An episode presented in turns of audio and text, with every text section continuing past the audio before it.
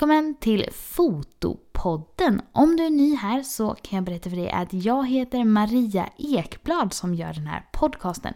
Jag jobbar som gravid och nyfödd fotograf i Göteborg och det här är mitt lilla hjärteprojekt. Jag pratar om foto med massor med roliga, spännande, intressanta fotografer.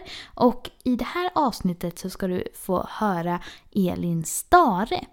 Elin är väldigt business-minded och driver en lönsam verksamhet som fotograf. Vi går in på djupet om hur man kan göra för att få sitt företag lönsamt, hur man ska tänka kring prissättning, vi pratar om misstag man kan göra när man är ny som fotograf och varför det är så himla viktigt att planera ekonomiskt. Det är verkligen ett fullspäckat avsnitt med massor med spännande.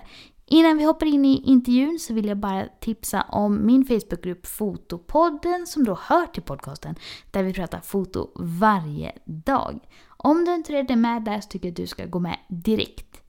Jag tycker också att du ska gå in på min YouTube-kanal, fotograf Maria Ekblad och börja prenumerera där.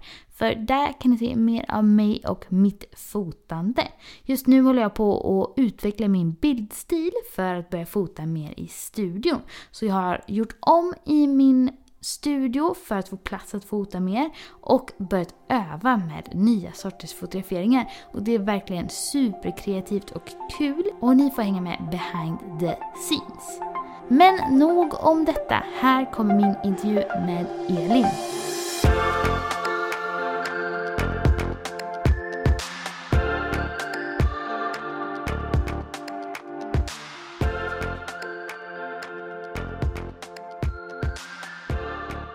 Hej Elin och välkommen till ditt eh, avsnitt av Fotopodden. Ja, tack så mycket. För de som inte känner till dig, vill du presentera dig lite och berätta vem du är och vad du fotar?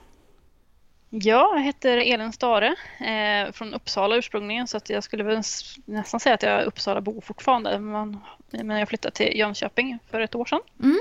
och öppnade min studio här nu i, i början av augusti. Just ja. Hur länge har du jobbat som fotograf? Eh, jag startade mitt företag 2012 mm. eh, men då pluggade jag fortfarande så att dels är det ju restriktioner med fribelopp på CSN och sen har man inte riktigt kanske tid heller. Eh, så att det var väl första åren var väl lite så här, lite helgjobb. Lite, man tog det, det man fick i stort sett. Just ja. Men vad är det för inriktningar du har? Eh, från början var det mest bröllop egentligen. Men eh, det blir mindre och mindre nu med åren utan jag fotar mest barn och gravida och nyfödda bebisar framförallt. Just ja. Och hur kom du in på det då?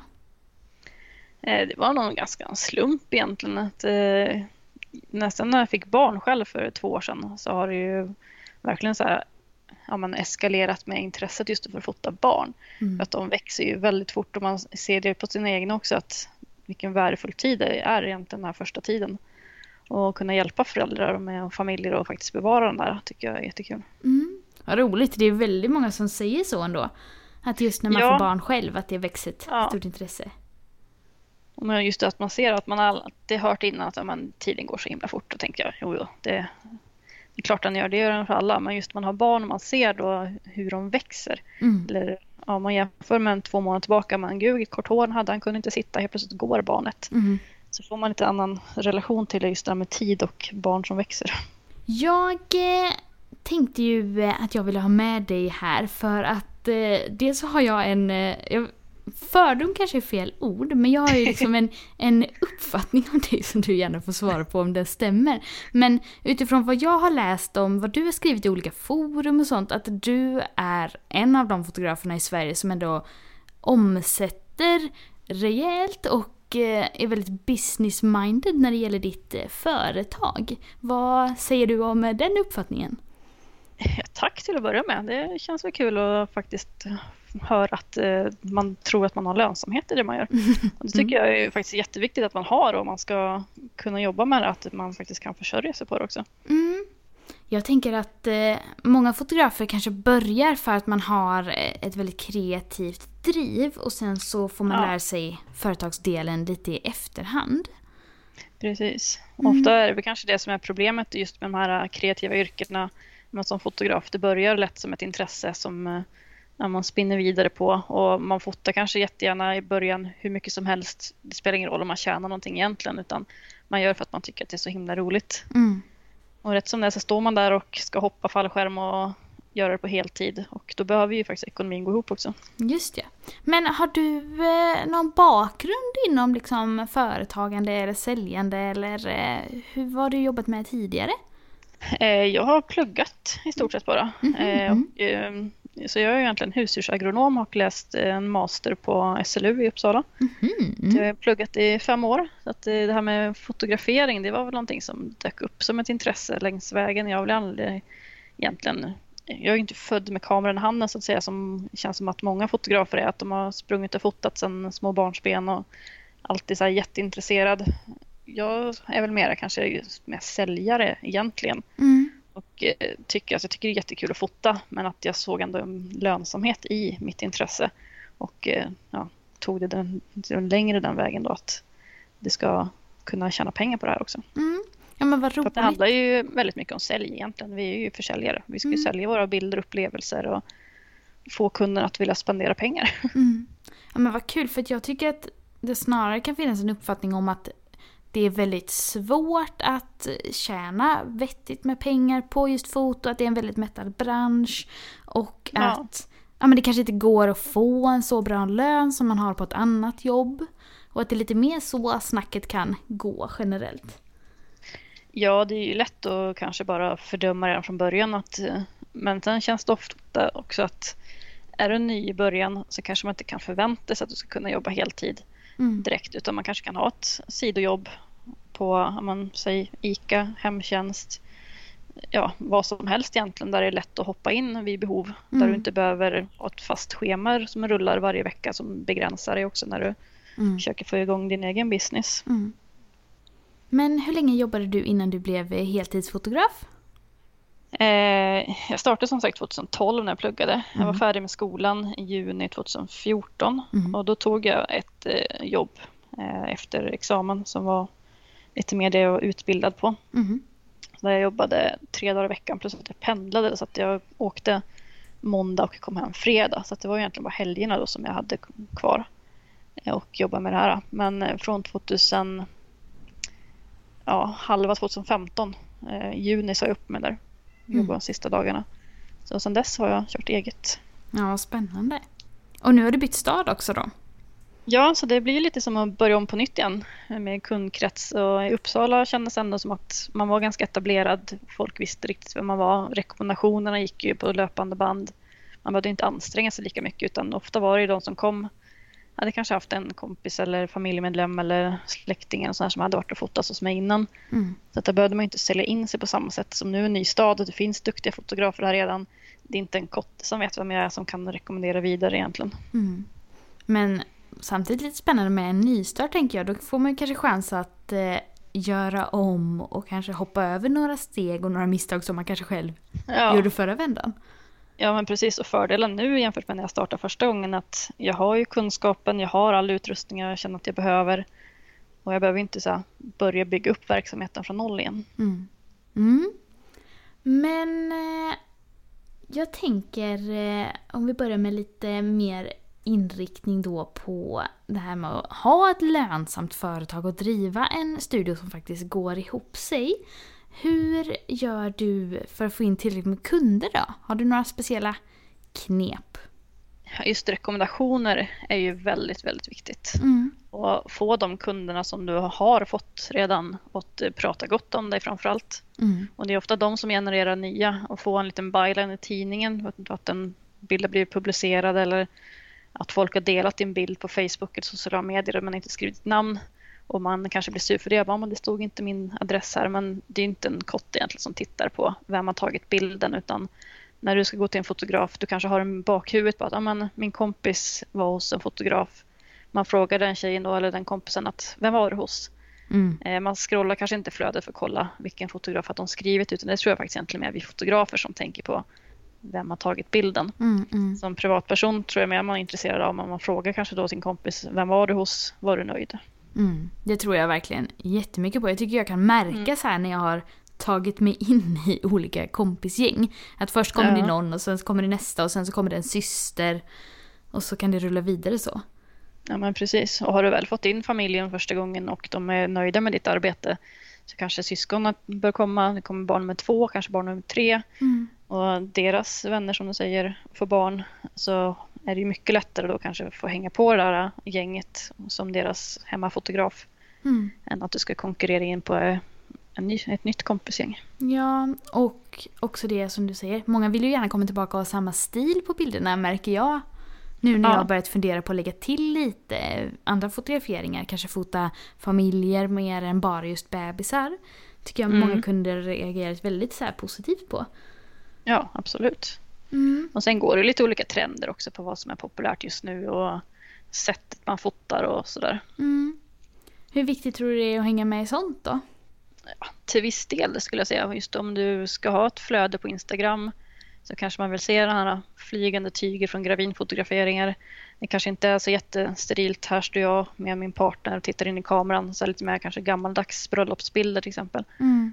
Utan det går ju, kommer ju gå lite som om man, olika vågor. Det är ju samma egentligen med nyföddfotograferingar. Ett tag tycker jag att det var väldigt mycket rekvisita, mycket nakna bebisar eh, som låg liksom poserat. Att det ändå går kanske lite mer åt, man har en filt runt bebisen, det ska inte vara så naket längre. Och lite mera icke-poserat vissa gånger, att eh, det ska se lite mer naturligt ut. Mm. Just ja. Men eh, du skrev ju i min Facebookgrupp eh, för Fotopodden att eh, man kanske behöver omsätta ungefär en miljon eh, kronor per år. Annars är det svårt att det är värt att jobba som fotograf. Ja. Hur eh, tänker du kring det? Vill du utveckla lite mer om det resonemanget? Ja, så dels får man ju kanske egentligen börja räkna bakifrån som ofta många får tips om eh, Mm. när du ska veta men vilken lön behöver jag ha. Mm. Vad har du för omkostnader? Mm. Eh, om du har till exempel en studio som kostar dig 15 000 i månaden så behöver du få in mer pengar än den fotografen som kanske inte har en studio. Mm. Men sen eh, kan jag inte kanske riktigt motivera heller till att om jag har då en utbildning på fem år på universitetet att det ska kännas så mycket sämre. Mm. Även om jag kanske har roligare på jobbet så vill jag ju inte att jag ska ha en jättedålig pension sen framöver eller att jag kanske inte får huslån. Jag kanske inte kan vara mammaledig med mitt barn och få tillräckligt med pengar bara för att jag ska ha kul på jobbet. Utan jag Mm. vill ju ha båda delarna. Jag vill ha den ekonomiska tryggheten, att jag faktiskt tjänar pengar på det jag gör och att jag faktiskt har väldigt kul på jobbet. Mm. Oj, det finns så himla mycket som vi ska prata om med detta. Men om vi bara börjar med det här med att räkna bakåt. För att det är ju jättemånga som skriver i många olika grupper. Hur kan man, vad ska man ta betalt för den här fotograferingen? Och många får ju då tips. Räkna på dina omkostnader, räkna på vad du vill få ut i lön. Men Ja. hur gör man då då? Ja, först skulle jag ju kanske rekommendera att ta papper och penna helt enkelt och eh, kolla kontoutdraget några månader tillbaka. Mm. Eh, vad har man lagt på till exempel abonnemang är ju en riktig pengaslukare. Mm. Så man tänker att 100 kronor här, 100 kronor där. Ja, gud Men på ja. ett år blir det ju väldigt mycket. Du har kanske Photoshop Lightroom, någon hundring där. Du kanske har Dropbox-konto, någon form av molnlagring. Du kanske har Spotify, Excel, Word-dokument, jag vet inte. Mm. Hemsida med domänen kostar per år. Mm. Vissa hemsidor har ju löpande att det kostar ju det är inte att när hemsidan är färdig så är den färdig utan du har ju fortfarande kanske en löpande månadskostnad på den. Mm. Mm. Någon form av bildvisningsprogram, Shootproof till exempel använder jag. Mm. Det kostar några hundra här och var. Sen all reklam har riktade inlägg på Facebook. Det springer iväg pengar. Mm. Du har bokföringsprogram. Du kanske har en revisor som gör eh, årsbokslut eller löpande redovisning. Du kanske köper massa action-preset till Lightroom Photoshop. Mm. Du går kanske kurser, någon webbaserad eller du kanske åker på en workshop. Det kostar Mm. pengar. Försäkringar. Och sen exakt det viktigaste nästan, försäkringen. Och sen har du kanske då ja, minneskort, batterier, förbrukningsvara, medlemsavgifter, din mobiltelefon. Eh, och eh, speciellt kameran. Jobbar du som fotograf och kameran går sönder så behöver du ju kunna köpa en ny. Så där behöver man egentligen räkna in slitage per månad. Förväntar du att din kamera kanske håller i tre år, vad kostar det dig per månad i så fall som du kan lägga undan så att när väl kameran går sönder då ska du kunna ha de här pengarna och fortsätta jobba som att inget har hänt utan att det behöver bli hål i plånboken för det. Ja. Och sen det som jag tycker, om man kollar på men forum och sånt där, den största utgiften som tror många har, det är ju faktiskt rekvisita. Mm. Och det behöver du också räkna in eh, som en kostnad i företaget. Mm. Och när du då har plussat ihop alla de här så får man ofta en chock och ser oj, mycket pengar man gör av med varje månad. Mm. Och då har du inte ens tagit ut någon lön. Nej, precis. Jag tycker också det känns som att eh, det, om man är helt ny som fotograf, att många också tänker, har lite svårt att tänka kring vad man vill tjäna. Att många får det tipset. Räkna ut vad du vill ha i lön och att många tycker det är lite svårt. Jag, eh, min kompis är HR-chef på ett ställe och jag bad henne kolla upp vad så här medellönen i Sverige är. Bara för att jag är nyfiken och tycker det kan vara relevant. Men jag har inte fått svar än. Men jag tror också, lite som du säger, att många tycker att det är så himla roligt att fota. Att man då Ja, kanske också precis. nöjer sig med en mycket sämre lön än vad man skulle nöjt sig på på något annat arbete. Vilket jag kan tycka är ganska synd och lite alltså. Det är farligt. lite trist Ja. faktiskt. Ja. och speciellt farligt som du säger att det kanske funkar för stunden. Eh, är du runt 20-25, du kanske inte har träffat en partner och vill bilda familj, köpa hus, lägenhet. Mm. Så kanske det funkar jättebra. Men eh, om två, tre år så kanske du står där med en bebis i magen. Eh, du behöver ha större boende, annat boende och du får inget lån på banken för att du har inte tjänat några pengar de senaste åren. Mm. Då ska man räkna till exempel på, om man säger 30 000 i lön, är väl kanske en ganska normal åt det högre hållet, men det, det är en Mm. jämn siffra så det blir lätt att räkna. Eh, Det finns en jättebra hemsida som heter drivaeget.se som har en kalkylator där man kan räkna egentligen då på vilken lön, eller vad, vad kostar det att ta ut den här lönen. Mm. Så vill du ha en lön på 30 000 så enligt deras kalkylator så kostar det då dig företaget 46 000 exklusive moms då eh, Mm. för att du ska kunna ta ut den där lönen. Och räknar man då på ett år så är du uppe i nästan en halv miljon eh, utan eh, kostnader i företaget bara för att kunna ta ut 30 000 i månaden i lön. Mm. Ja, det är ju verkligen väldigt mycket pengar som man ska ha in. Ja. Men, Och då har du ju inte som sagt några kostnader på de här en halv miljonen utan har du då en lokalhyra, du har rekvisitaköp, du har försäkringar, du har mobiltelefon så behöver det komma upp mer än en halv miljon för att kunna täcka dem också. mm. Men om man tänker så här då. Många kanske tänker då, men jag kan nöja mig med en lite lägre lön. Det är värt det bara för att få komma bort från mitt vidriga jobb som jag är på nu. Eller för att jag verkligen vill göra detta. Men varför är det viktigt att omsätta tillräckligt och, och ta ut en bra lön varje månad?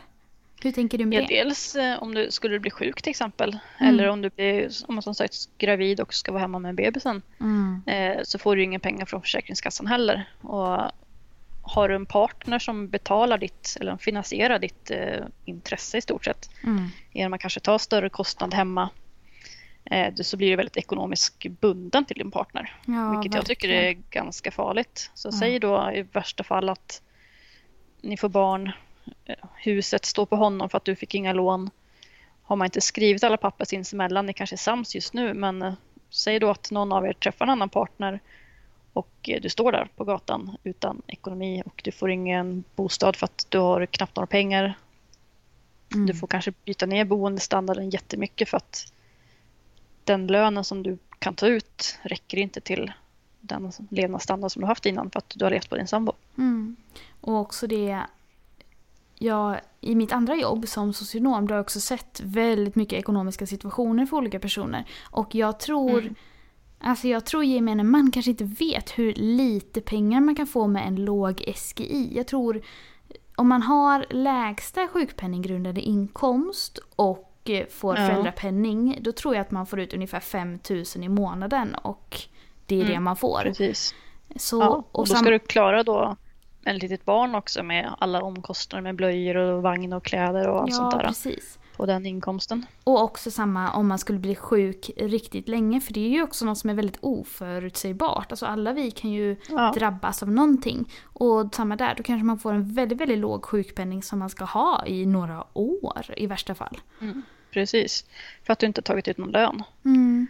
Och just pensioner, det kanske funkar bra just nu men eh, man kanske inte tänker just när man är runt 20-30 års åldern att det finns ett liv efter pensionen också. Mm. Och Nej, ska man då sitta på en jättedålig pensionslön som du får från staten för att du inte har kunnat haft råd att lägga undan till en egen pension Mm. eller du kanske behöver sälja din bostad för att kunna gå i pension ens en gång. Eh, så behöver man ju börja tänka ganska tidigt på att kunna ta ut en lön. Och du får ingen pension från staten. Det baseras ju på hur mycket du har skattat för. Det är ju samma med SGIn också. Precis. Har du betalat lite skatt så får du väldigt lite bidrag sen.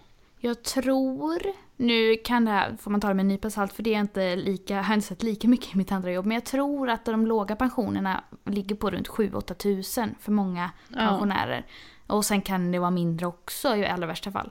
Så det är ju också mm. så här, eh, ja men det, kan, det är ju värt att tänka på just ur den aspekten.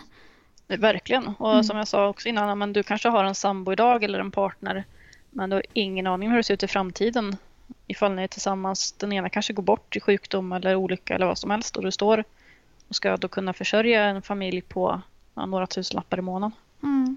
För min del är det också väldigt ideologiskt. Det, jag har fått frågan flera gånger, typ så här, för jag har valt att eh, när jag började som fotograf då har jag haft kvar mitt jobb och sen i takt med att fotandet har ökat har jag gått ner. Sen så har det alltid mm. kommit perioder då jag eh, kanske jobbat lite för mycket för jag har inte fått gå ner i takt i, i tidig takt på det jobbet jag haft. Men jag har ändå försökt göra så. Och nu är jag ja. nästan framme vid heltid då. Och ska bara jobba timmar snart. Men, eh, men det är många som har frågat mig varför lever du inte på din sambo under tiden? Eller varför ställer inte han upp? Eller så. Men vi hade kanske kunnat göra så. Men för min del handlar det också om att jag inte vill det. Utan jag är väldigt mån om att vi ska tjäna våra egna pengar och jag ska liksom dra in mitt. Dels för det handlar liksom ja, men om självkänsla och liksom egenvärde. Dels för att inte liksom bli, bli, hamna i en utsatt situation om jag mot förmodan skulle då bli lämnad eller förlora honom. Mm, men, men också för att jag tycker det lägger väldigt stor press på honom. Tänk om han då skulle vilja säga upp sig akut eller bli ja, sjuk. Eller om han blir sjuk till exempel och inte, eller förlorar jobbet nu med covid-19 till exempel så är det många som fått gå från sina tjänster eller kanske gå ner i arbetstid. Mm. Och drar den ena partnern hela bördan med ekonomin för att den andra inte, om man jobbar tillräckligt mycket, mm. så sätter det väldigt mycket press på den andra partnern. Och det blir ju inte ett jämställt förhållande heller kan jag tycka om eh, båda parter inte drar in pengar. Nej, nej jag tycker jag inte det i alla fall. Mycket kan bero på just det med skilsmässor. Förr i tiden så var ju ofta kvinnan den som skötte hushållet och barnen medan mannen jobbade. Mm. Det var inte så mycket skilsmässor då heller på samma sätt som det är idag. Idag skiljer sig folk ganska ofta. Mm. Men jag tror att mycket kan nog bero på, det här är visserligen bara min egen gissning på det här, men att eh, kvinnan faktiskt har blivit självständig för att vi har en egen ekonomi. Att man kan lämna ett dåligt förhållande mm. Eh, på ett helt annat sätt än vad du kunde göra förr i tiden. Ja, verkligen. Och man hoppas ju såklart att man själv kommer ha det bra liksom alltid. Eh, men man mm. vet ju aldrig liksom vad som händer i livet. Så Nej. det kan ju vara väldigt viktigt att planera för det tråkiga också, även om man kanske hellre vill tänka på det roliga. Ja men precis. Och som mm. du säger, med just med egenvärde och faktiskt då kunna då lämna en relation som inte är bra för en och att veta att, eller snarare att du kanske vill vara kvar i relationen men att du har möjligheten för att du har egna pengar att du kan lämna om du skulle vilja. Mm. Så skulle i alla fall jag veta att om min partner tjänar egna pengar så är han faktiskt där för att han vill det och inte för att han är ekonomiskt bunden till mig. Mm. Ja, och också tänker jag med så här små saker. Jag personligen skulle nog helst... Eller jag föredrar ändå att så här, ja, men jag kan köpa ett par skor utan att det behöver diskuteras. Eller sådana saker också. Ja, men, precis. men det är ju väldigt individuellt. Men det är ändå så som jag tänker kring hela den grejen. Ja. Men du nämnde ju förut trender och eh, att många kanske har en hög eh, post i utgiften när det gäller rekvisita. Vill du utveckla lite kring det? Ja, jag tror att många har nog tendens faktiskt att eh, sträva efter den kanske den perfekta bilden. Att man har sett en bild med ja, säg gravidfotografering till exempel är ju väldigt populärt just nu med mm. gravidklänningar. Mm. Det är ju många som köper på sig otroliga mängder gravidklänningar för att man vill täcka liksom hela behovet för den kunden som kommer. Olika storlekar, olika stil, olika färg, mm. olika modell. Eh, och sen tror jag att det blir lite så här jakt då på den här perfekta bilden. Att man kanske fotar lite mer för sin egen skull för att man vill förnya sig. Man tröttnar på de här kläder man har. Och ja, man kanske tror att eh, man får fler kunder och ju fler klänningar du har, att man fastnar kanske lite destruktivt mönster, att man shoppar väldigt mycket saker som kanske inte egentligen hade gett större omsättning mm. och fler kunder. Att det är lätt att liksom, ja, sträva efter att gör jag det här så kanske det släpper. Kanske får fler kunder, köper den här pallen till mina barnfotograferingar så kommer det bli mycket bättre. Köper jag det här objektivet så kommer mina bilder bli mycket bättre. Mm. Och det är lite samma tänk där egentligen med att man strävar efter något fast det kanske egentligen är egentligen bara en kurs i ljussättning som du hade behövt så kan du utnyttja det, de sakerna du har på ett helt annat sätt. För att det kanske var inte pallen egentligen som det var det du strävade efter utan det kanske var annat form av ljus, annan posering på dina bilder, att du får en helt annan känsla i bilden helt enkelt. Mm. Som kanske egentligen inte hängde i det du shoppar. Ja, och jag eh, såg en fotograf i nu var det bara i en så eh, frågestund med en eh, fotograf från ett annat land så det var liksom ingen här. Men som skrev eh, till den fotografen att så här, gravidklänningar är så dyra och jag har inte råd att köpa jättemånga. Snälla, hur ska jag göra? Och jag tycker nästan det kändes Mm. lite beklämmande för nu är jag i och för sig en av de som har shoppat väldigt mycket rekvisit och tyckt sånt var väldigt kul genom åren, eller fortfarande. Men då har ju jag haft två jobb för att kunna göra det. Men jag tyckte bara det var Ja. lite sorgligt för jag, jag tror att det kanske finns en bild som du säger att eh, bland nyare fotografer att man behöver ha jättemycket grejer eller klänningar för att kunna tjäna pengar på detta och så behöver det ju verkligen inte vara. Absolut inte. Jag skulle säga snarare tvärtom att börja med det du har och bygga upp successivt. Ta ut den lönen du känner att du behöver ha för att finansiera dina omkostnader. Blir det någonting kvar? Mm. Antingen ett sparkonto eller shoppa någonting som du tror att kan generera mera pengar. Mm. Än att köpa på sig massa lager. Och man ser ju ofta i de här äh, köp och säljgrupperna att det läggs ut väldigt mycket egentligen ny rekvisita, nya klänningar som används någon enstaka gång.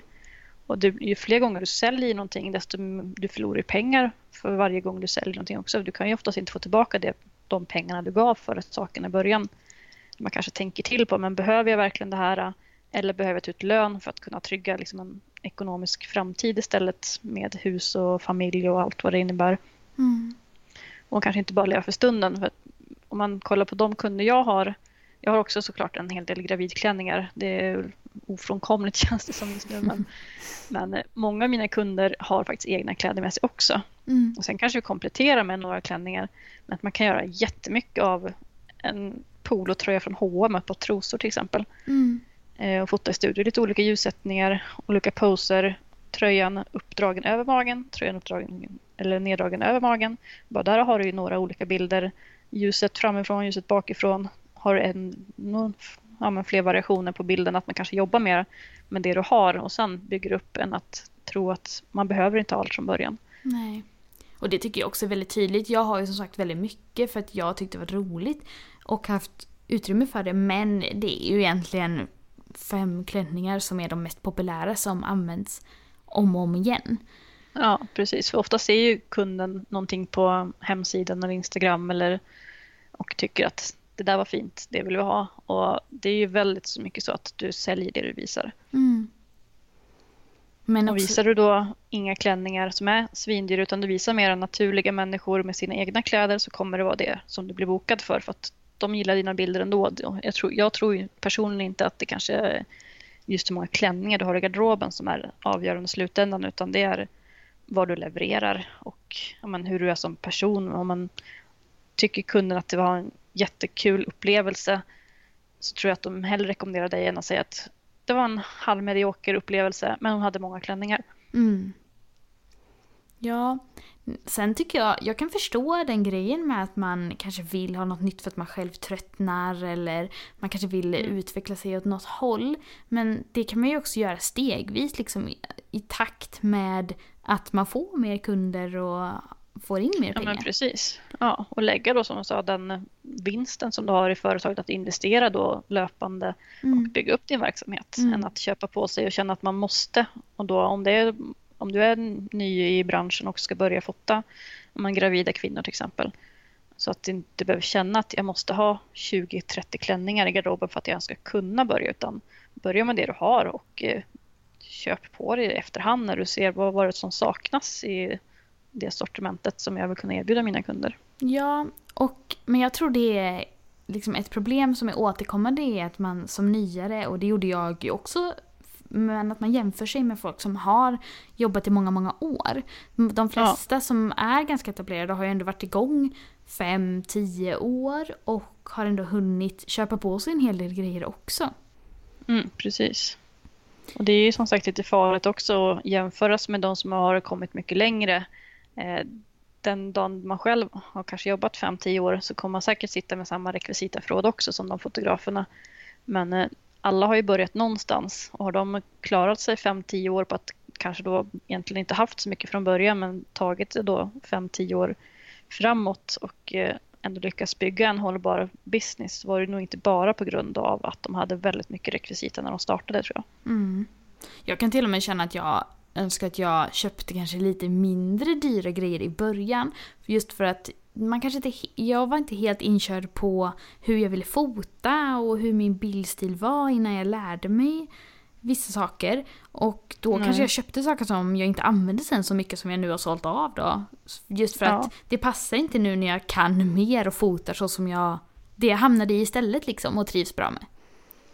Ja, jag tycker ofta när man har köpt någonting, eller speciellt eh, jag eh, köpte ganska mycket rekvisita just när min första barn skulle födas. Mm. Man tittar mycket på bilder och tycker det där var väldigt fint. Och sen slutar det med att den kanske, säger en filt eller en docksäng eller vad man nu kunde köpt användes till en bild. Och sen gick det inte att göra så mycket mer med den för att det varit för mycket upprepning. Mm. Då skulle jag hellre kanske rekommendera att man köper rekvisita som går att göra många olika typer av bilder med i början.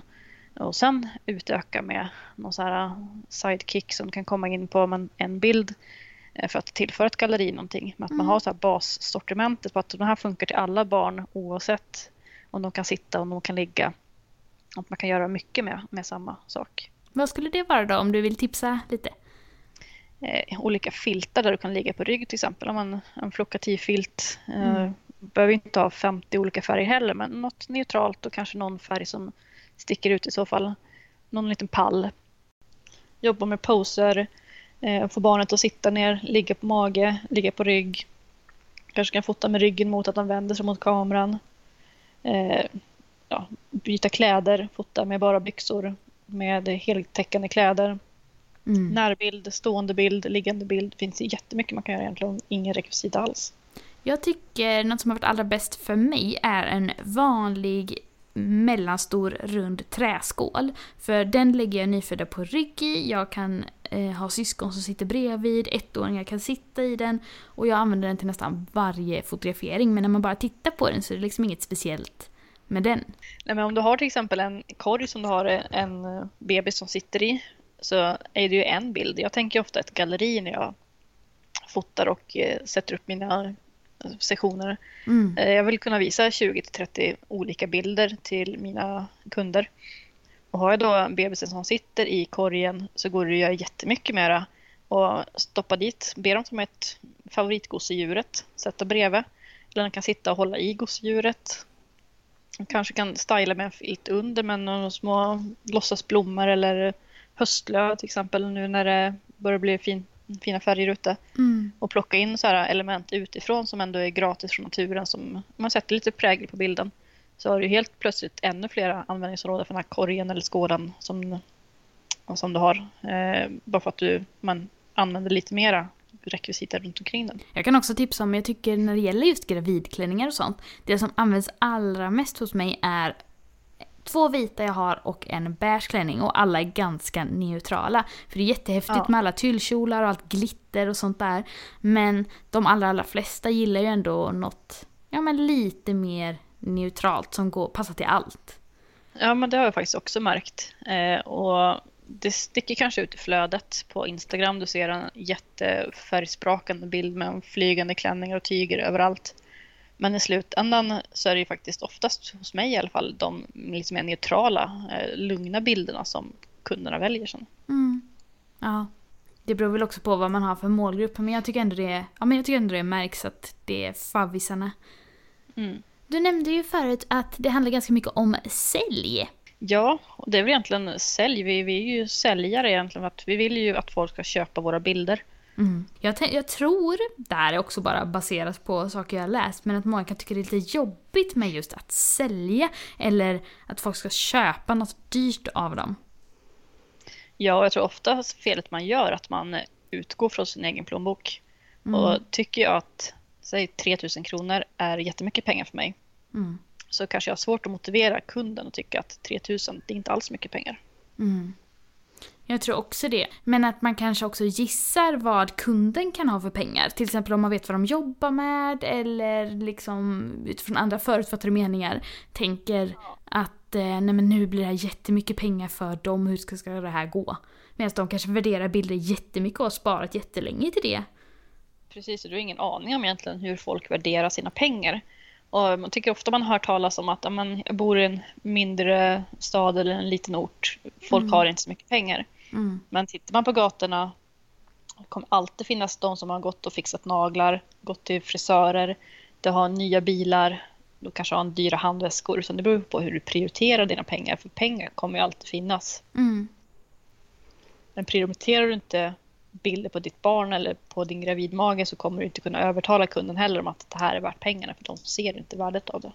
Nej, precis. Och jag tror att många får, man får mycket förfrågningar eh, av alla möjliga. Och då är det ett helt gäng som inte har budget eller prioriterar eller har en uppfattning om att det här ska kosta typ. 1500 kronor inklusive alla bilder eller något. Och då Ja, blir förvånade över hur mycket det kostar. Men att man kanske Ja. inte ska låta sig påverkas för mycket av det för det finns ju de här andra också. Ja, och sen det är ju självklart att det är sänkande lite för självförtroendet att få massa förfrågningar och alla säger att oj vad dyrt. Mm. Men jag tror att många gånger kanske man ska rannsaka sin hemsida eller sina, hur du kommunicerar med kunden och eh, titta med, med utomstående ögon. Låtsas att du aldrig köpt en bild någon gång.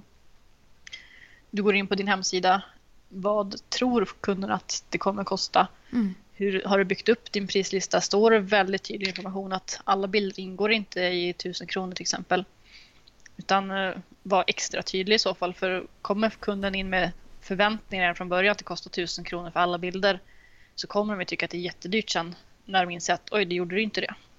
Men hur ska man utforma till exempel en hemsida eller en kommunikation då så att kunden ska förstå att det här kommer krävas lite öppnande av plånboken? Eh, Jag har ju valt att ha lite så frånpriser. Utan rabbla en hel prislista kan ju låta väldigt avskräckande. Mm. Utan eh, jag har ju valt att jobba med eh, fotoavgifter Mm. som låter ändå ganska billigt. Mm. Kostar 1000 kronor att komma hit och fota, eller 950 då för att det ska låta lite billigare. Mm. Och sen att kunden sätter ihop sitt eget paket. Eh, har du då valt att ha, jobba med paketpriser så behöver man ju räkna egentligen då på tre olika paket. är ju lite så psykologiskt att man väljer ofta det i mitten. Mm. Att man är lite svensk, tar det dyraste paketet. Det ska ju ofta vara kanske ett paket som låter väldigt dyrt och de får väldigt mycket för mycket pengar. Det ska ju fortfarande att du tjänar på dem, att det kanske inte är det dyra paketet som du vill sälja utan det kan ju då lura kunden på att få mittenpaketet att låta bättre. Men fortfarande att det kanske du får väldigt lite i det paketet så att mittenpaketen fortfarande är att det här får du väldigt mycket för pengarna men att du tjänar mest på det paketet. Mm. Men nu tror jag du sa ett ord som jag tror att många kan reagera lite på. Ehm, och det är det här med att, att lura kunden att ta något. för jag tror också, jag har uppfattat också där när jag pratat med lite nyare fotografer att man är rädd för att ha en fotoavgift. För att man är rädd att det ska uppfattas som att det är lurendrejeri på något sätt. Här verkar det jättebilligt och så lurar man in kunden och så bam kommer en svindyr prislista. Och allt blir jättejobbigt. Ja, alltså jag tror det största felet är då kanske att man inte är säker på sin egen prislista själv. Att du kan inte relatera till det här för att du tycker själv kanske att du är för dyr. Mm. Och tycker du själv att du är för dyr så är det jättesvårt att sälja någonting som du inte själv tror på. Mm. Utan eh, välj ut det du vill sälja. Är det fotograf som bara vill sälja digitala bilder, gör det. Men att det kommer ju krävas kanske mera då att du ja, ger inte bort alla bilder för att du behöver räkna in redigeringstid och sånt där också. Du kan ju, har du då ett paket där du får alla bilder för säg 3000 kronor men du kan köpa mera bilder så är det ju väldigt få som kommer lägga till någonting extra. Och det är ju samma sak om du har då ett paket där du får 10 bilder för ett, ett x antal tusen Mm. Eller x antal kronor. Men du kan köpa till extra bilder så har du redan begränsat kunden där att eh, det är 10 bilder. Även om du levererar 100 bilder i galleriet så kommer kunden fortfarande ha ett litet tunnelseende med 10 bilder, 90 bilder ska bort. Ja. Sen om du sitter och viftar i bakgrunden, du kan lägga till lite bilder så har de redan mentalt ställt in sig på att det är 10 bilder. Då har du ju stannat där vid den omsättningen. Så jag tycker ju att det är ganska bra just med bildvisning. Du kan sitta och prata om dina produkter. Du kan visa upp tavlorna, så här ser de ut. Då får ju kunden också ett annat förståelse för att det här var ju faktiskt någonting du inte kan göra själv och då blir det ju lite mer motiverat faktiskt att betala det priset än om du skickar iväg en digital fil och de går till det här billigaste labbet, får en A4-utskrift för en 10 20-lapp och eh, då är det såklart att du tycker själv att det är dyrt men varför ska jag betala 3000 för den här tavlan när det kostar mig 100 kronor att tillverka den själv? Mm. Ja, då ja. behöver du då kunna visa kunden att det är det här du får, det är det här kvalitet och därför kostar kvalitet hos mig. Mm. Jag tror inte heller man behöver vara rädd för att en fotavgift känns lurigt så länge man är tydlig med att det kommer Nej, komma en mer kostnad. Alltså på min hemsida, ja. för jag har också fotavgift, men då står det ju tydligt att digitala bilder och produkter köps separat vid bildvisning. Och så fort någon vill bekräfta en bokning för att dubbelkolla så brukar jag fråga Vad bra, har du läst prislistan? Just för att mm, säkerställa precis. att de vet att det finns en prislista. Så det är ju inget hemligt ja. på något sätt i det. Nej, men sen som jag nämnde innan också att visa upp hela prislistan kan ju låta lite skräckinjagande också. Folk mm. sitter och tittar en 2430, en 3040, en 4050, en 5060, en 6070 det blir ju väldigt så här spaltat på oj vad dyrt. Men de riktigt får att riktigt humma men hur ser den här ut som sluttavla utan de säger bara ett pris i stort sett. Ja och kan kanske... ju uppfattas som väldigt dyrt men har du däremot haft kanske frånpriset och vet att man ska jag gå hit så kommer det kosta ungefär det här. Om jag vill ha då tio digitala, vad kostar det? Vill jag ha en collagetavla, vad kommer det kosta på ett ungefär? Att man får lite mer prishum om vad det kommer kosta så att de ändå vet Eh, innan de läser hela prislistan. Så känns det i alla fall att det blir kanske lite mer neutraliserat där med prischocken. Att oj vad dyrt det var för att de redan har att ja, men, det kommer kosta ungefär så här. Ja, precis. Och det du sa innan om att eh, man kan göra om man har paket. Det större paketet, att det ser lite dyrare ut för att få kunden att eh, kanske gå på mellanpaketet. Jag tänker att det är ju mm. liksom mm. inget lurande i det heller utan det är ju mer liksom vanlig prispsykologi. Mm, precis. Och det är ju tillbaka igen där på säljtekniker att du är ju där för att sälja, du är inte där enbart för att syssla med välgörenhet till kunden för att du, du tycker om, så mycket om att fota kundens barn till exempel utan tanken med att du fotade kundens barn var ju att du ska tjäna pengar på det här. Mm. Och då är vi tillbaka igen här på vad behöver du då tjäna per månad för att din fotodröm ska kunna gå runt, att du ska kunna jobba som det här, så behöver du ju då veta vad behöver jag få in per kund. Ja, ja men verkligen. Så att man kan fortsätta göra det liksom som man faktiskt tycker är jättekul och inte behöver skaffa sig ett mm. annat jobb. Eller att man någon gång kan släppa sitt heltidsjobb och jobba deltid eller gå över till fotograf på heltid. Ja, precis. För det är ju väldigt mycket saker som kostar där.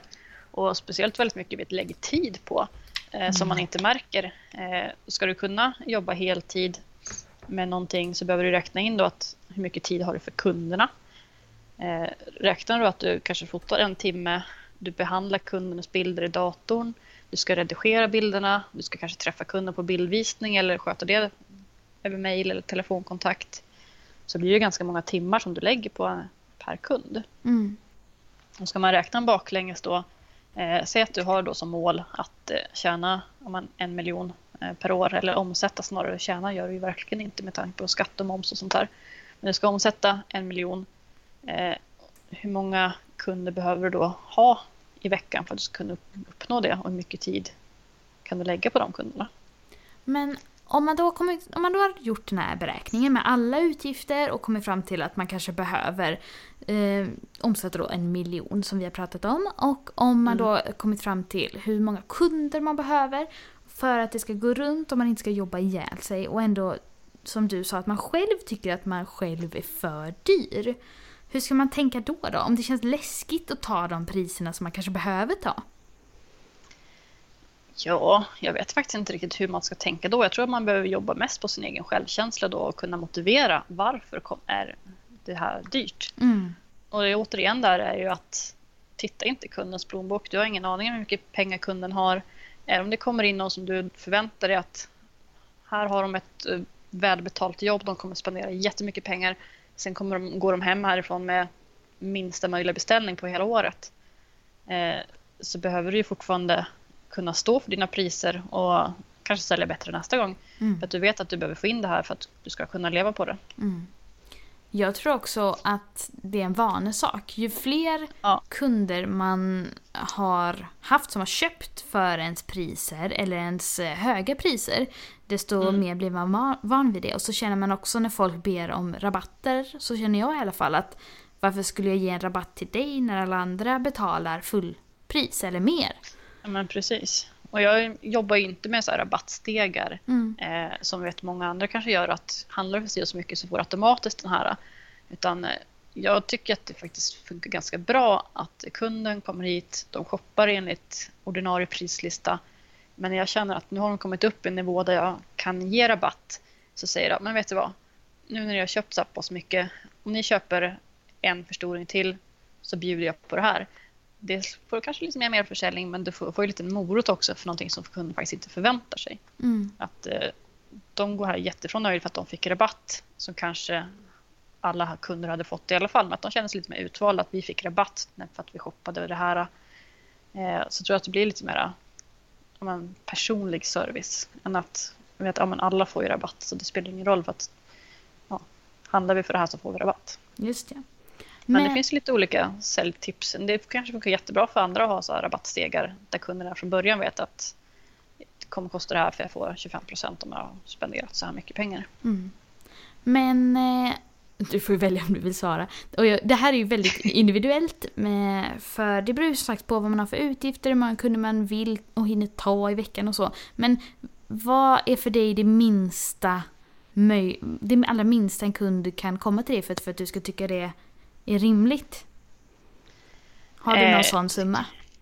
Ja, så ska man istället för att svara på rätt summa så kan vi ta något räkneexempel egentligen. Att, säg att du har då som mål med en halv miljon. Mm. Du har ett paketpris på 3000 kronor. Mm. Du har bara digitalt då säger vi som annars behöver du lägga på extra. Mm. eh, för att täcka liksom, materialkostnader och sådana saker.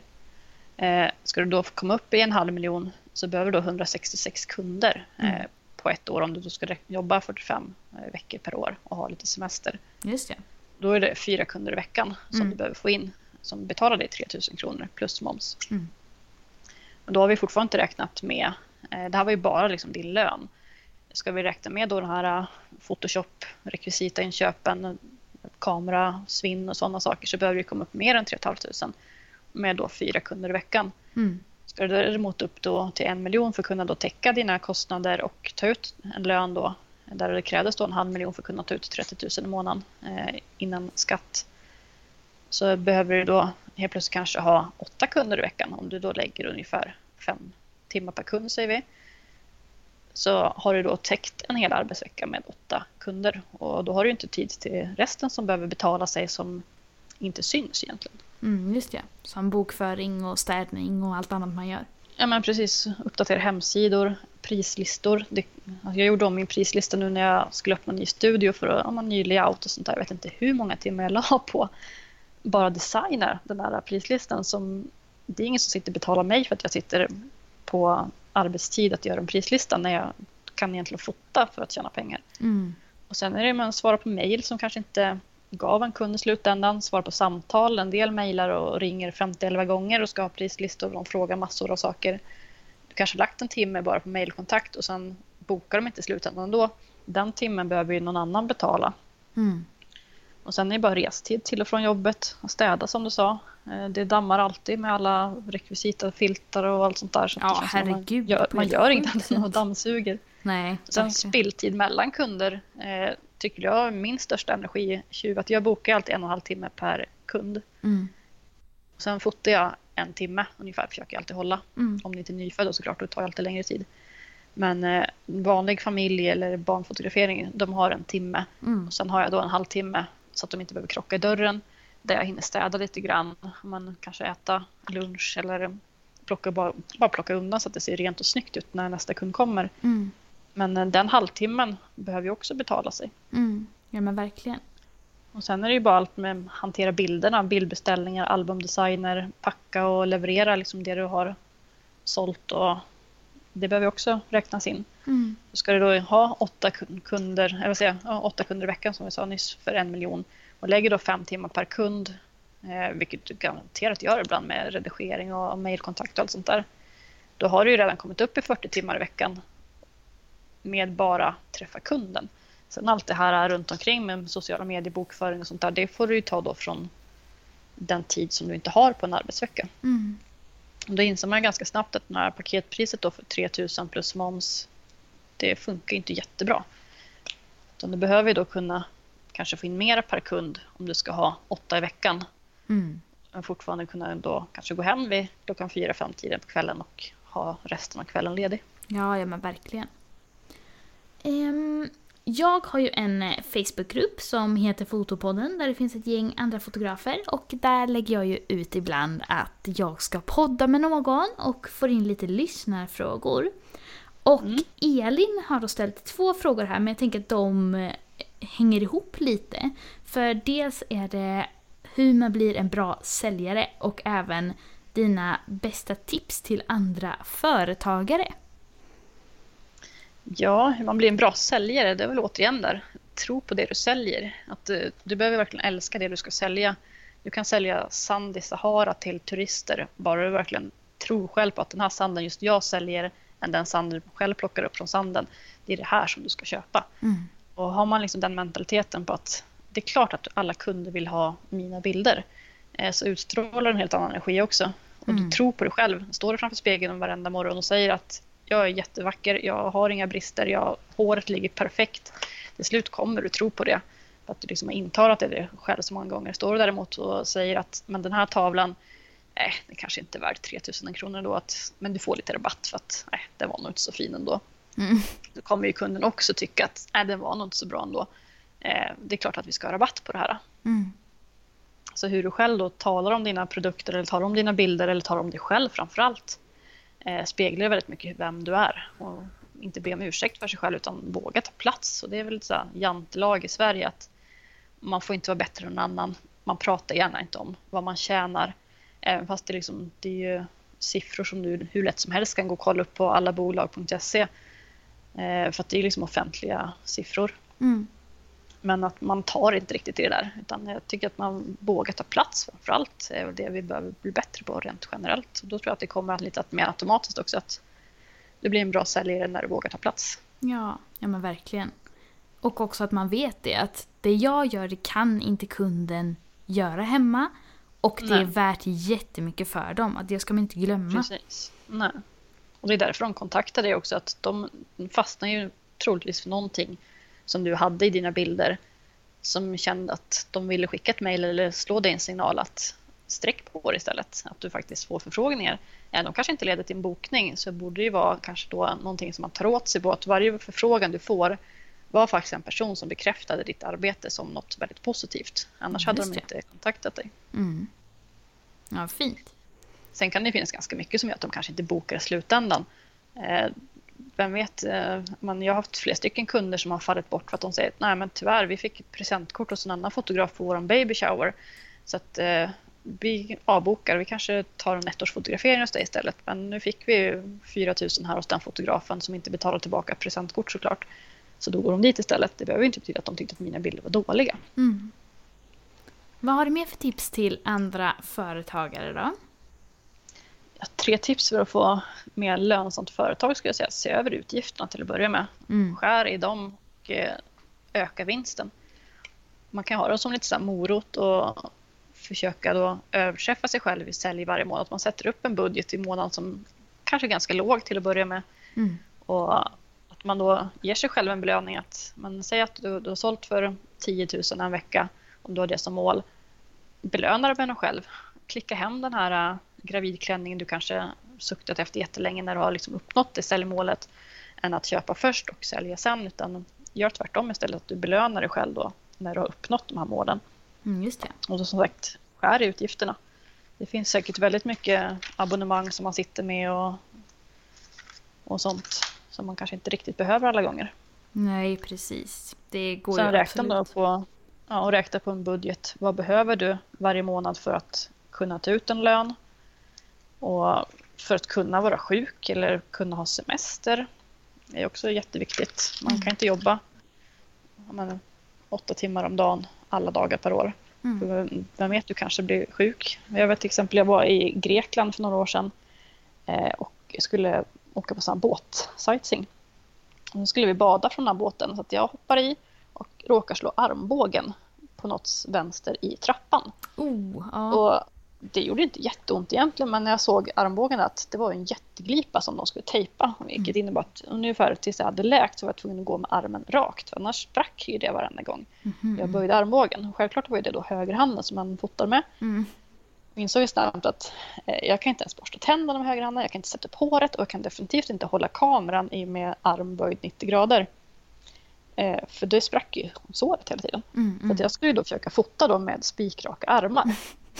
Mm. Och det är ju ingen skada så att man kanske tänker ja, du drabbas av cancer eller benbrott eller blir påkörd på ett övergångsställe.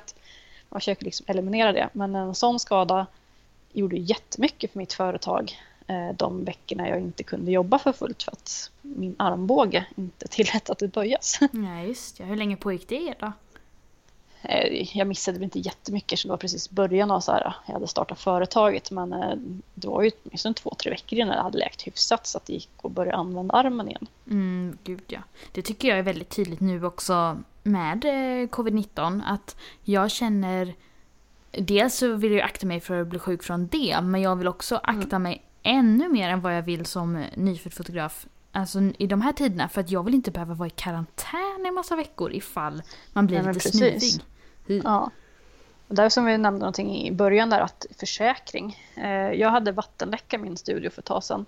Där det sprutade ut 200 liter över golvet. Oj. Och har man vält ett vattenglas över bordet någon gång så vet man att det blir väldigt mycket vatten på bordet av kanske två deciliter. Mm. Tänk då 200 liter som pumpas ut ett litet rör ur väggen. Oh, herregud, eh, ja. Så att, eh, det stod still en månad här. Vi fick riva upp golvet. Vi hade man, eh, fläktar som stod och torkade ut alltihopa och de tog upp plastmattan under för att det hade lagt vatten under. Det var jättekaos här. Mm, eh, har du inte då din försäkring eller att försäkring att du har en försäkring så får du kanske i värsta fall bekosta det själv. Mm.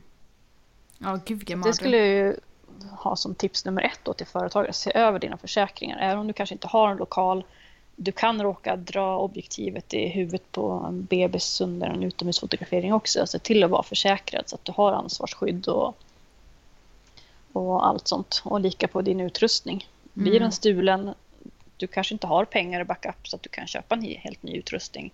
Om du, ja, det behöver inte vara att man kanske lämnar bilen. Du kanske sitter och väntar på bussen på vägen hem.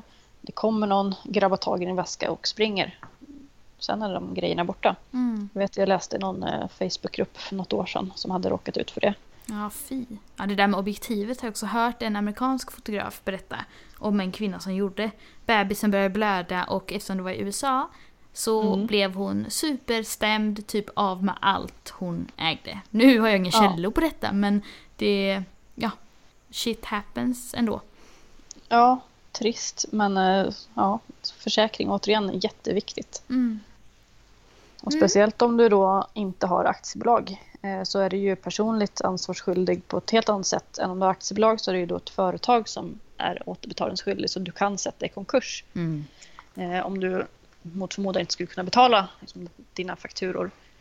Men har du en enskild firma och det verkligen skulle hända då, som vattenläckan, jag har fortfarande inte fått slutnotan på det där som ska till försäkringsbolaget så kan det vara upp mot kanske 100-200 000 som det kostar. Mm. Ja, då blir ju personlig ansvarig för det. Mm. Ja, fy. Mm. Men var på internet hittar man dig och dina bilder då, Elin? Framförallt Facebook, Instagram och hemsida och det jag jobbar mest med. Jag börjar bli bättre på Instagram, även om det inte var jättemycket postat. Men Elin Stare heter jag där. Mm. Elin Stare Photography på Facebook och elinstare.se på hemsidan. Just ja, med H i efternamnet. Exakt, S-T-A-H-R-E. Just ja. Det är alltid men... folk som undrar vart H ska vara. men det var jätteroligt att du ville vara med här och Och eh, Fotopodden hittar ni ju på Facebook, Instagram och i Fotopoddens Facebookgrupp finns vi också. Jag heter ju Maria Ekblad och finns som fotograf Maria Ekblad på Instagram, Facebook och på min YouTube-kanal. Tack så mycket för den här veckan då och eh, tack alla för att ni har lyssnat. Mm. Hej då! Hej då alla!